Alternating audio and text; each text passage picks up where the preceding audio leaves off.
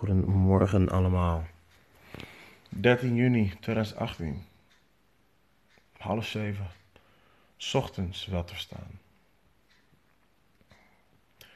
Je zou denken waarom ik nu momenteel een podcast begin. Ik begin een podcast net voor ik wakker ben, omdat ik mezelf bewust wil zijn dat het leven niet zomaar is gegeven.